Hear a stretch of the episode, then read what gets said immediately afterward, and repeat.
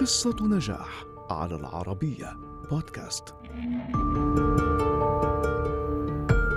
لطالما كان الترشح لجائزتي الأوسكار والجولدن جلوب حلما صعب المنال لكل فنانات هوليوود لأن هناك أسطورة دائما ما كانت المرشحة الأوفر حظا للفوز بهما إنها ميريل ستريب الممثلة التي غيرت معايير التمثيل بأدائها الواقعي وترشحت ل 53 جائزة أوسكار وجولدن جلوب وفازت بأحد عشر جائزة واعتبرها النقاد أعظم فنانة على قيد الحياة.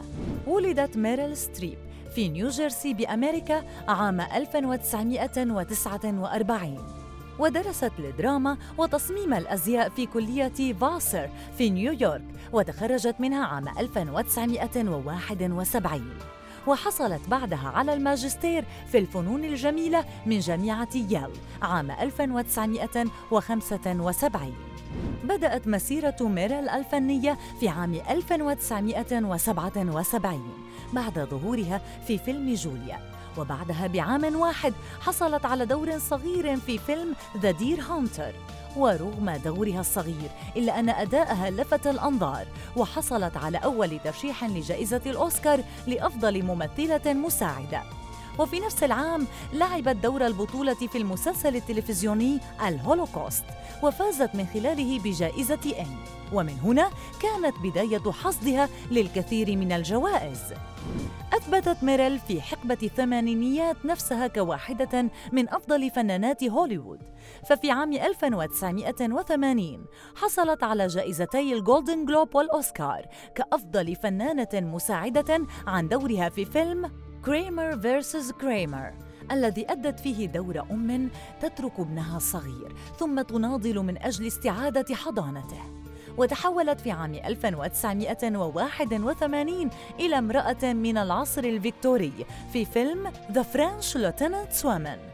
وحصلت من خلاله على ثاني جائزة جولدن جلوب وجسدت ميريل في عام 1982 دور ناجية بولندية من معسكر اعتقال النازي في فيلم Sophie's Choice ونال أداؤها استحسان النقاد وأجمع أغلبهم على كونه أفضل أداء لها في مسيرتها. وحصلت على أول جائزة أوسكار عن دور رئيسي وثالث جائزة جولدن جلوب كانت مسيرة ميريل حافلة بالجوائز في تلك الفترة ففازت في عام 1985 بجائزة جمعية نقاد السينما في لوس أنجلوس عن فيلم Out of Africa وفازت في عام 1988 بجائزة دائرة نقاد نيويورك لأفضل ممثلة وجائزة مهرجان كان السينمائي عام 1989 عن دورها في فيلم A Cry in the Dark. بعد أدائها دور أم أسترالية اتهمت بقتل طفلتها. إلا أن العقد التالي لم يكن كسابقه فقل سطوع نجم اسم ميريل خلال فترة التسعينيات. لكنه عاد ليكون محط الأنظار في بداية الألفية الثالثة. ففازت بجائزتي جولدن جلوب متتاليتين عن دورها في فيلم Adaptation عام 2002 ومسلسل Angels in America عام 2003 وبعدها بثلاثة أعوام حصدت سادس جائزة جولدن جلوب عن فيلم The Devil Wears Prada.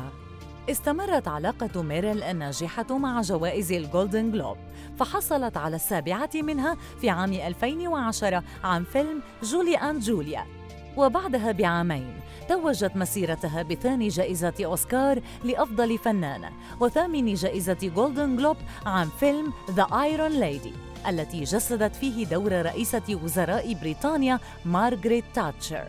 مسيرة من النجاح لا نهاية لها ولا متسع لذكرها كاملة. فخلال مسيرتها الممتدة إلى نحو 45 عاماً رشحت ميريل ستريب لجائزة الأوسكار 21 مرة كأكثر فنانة ترشحت للجائزة وفازت بثلاث منها. كما ترشحت ل 32 جائزة جولدن جلوب وهذا ما لم يحققه أي شخص آخر وفازت بثمان جوائز. وهذا ما دعا العديد من النقاد إلى اعتبارها أفضل ممثلة على قيد الحياة.